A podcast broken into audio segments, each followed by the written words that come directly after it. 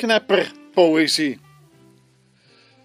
Als je het al eerder gehoord of gelezen hebt, dan herinner je je vast nog wel het geniale gedicht van Simon Knepper. Heer, bewaar de kattenmepper. Ja, het lijkt heel wat, maar bij nader inzien blijkt dat hij van de acht versregels er één drie keer opnieuw gebruikt en één twee keer. En ook zijn eigen naam komt er twee keer in voor, net als de titel van het gedicht.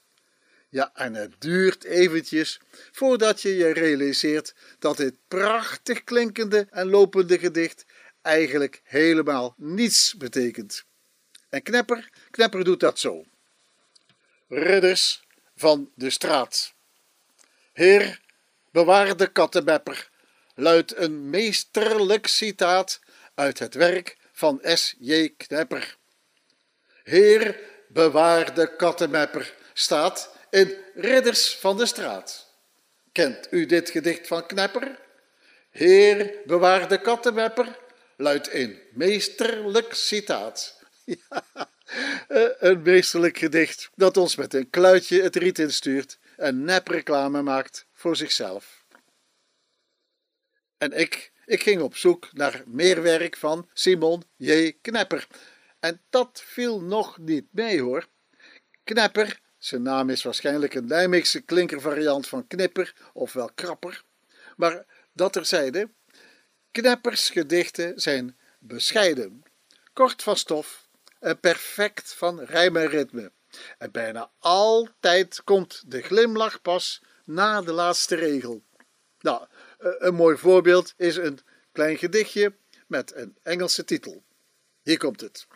The Sunny Side. De haardos valt gestadig uit. Voors mis ik nu twee kiezen.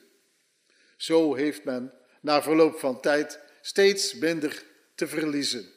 Ja, eh, de, de meeste gedichten zijn echt op maat gemaakt voor de glimlach van de laatste regel. Maar Knepper, die schrijft niet alleen maar flauwe kulletjes. Soms mijmert hij over de zin van ons bestaan. Waartoe zijn wij op aarde? Nou, bij Knepper gaat dat zo. Klageliedje. Ik voel mij zichtbaar afgetopt en chronisch onvoldaan. Te lang verhult een duisternis de grond van mijn bestaan.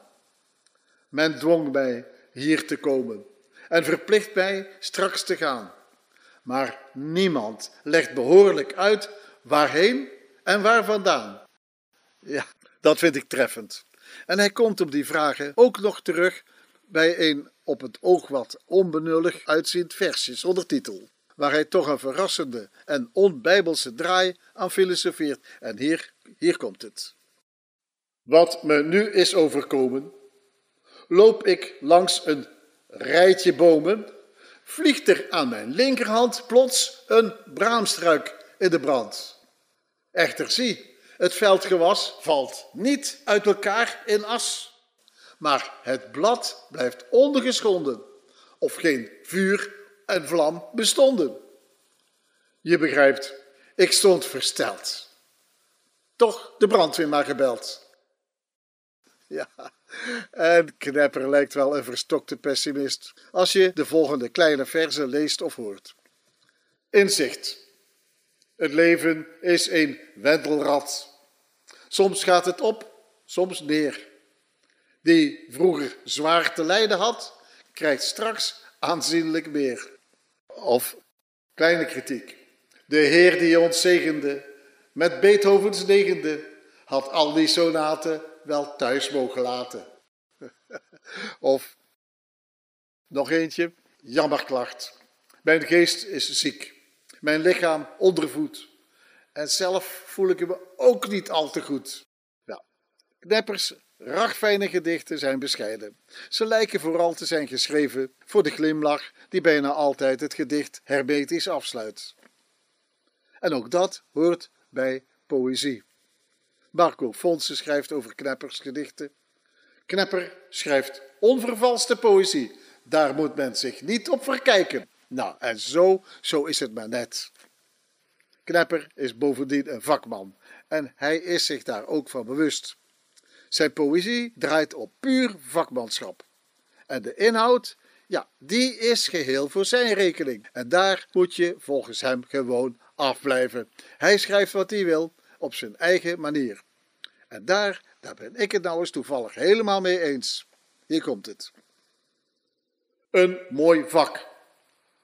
Als ik vaststel, de zon speelt haar tintelend spel aan een stoffige hemel van matgrijs pastel en de zee geurt naar kruidnagelkaas, hoort men algemeen pruttelen, zou dat nou wel, maar toevallig ben ik hier de baas. Nou, net wat hij zegt. Onvervalste knepperpoëzie. ik dank u wel.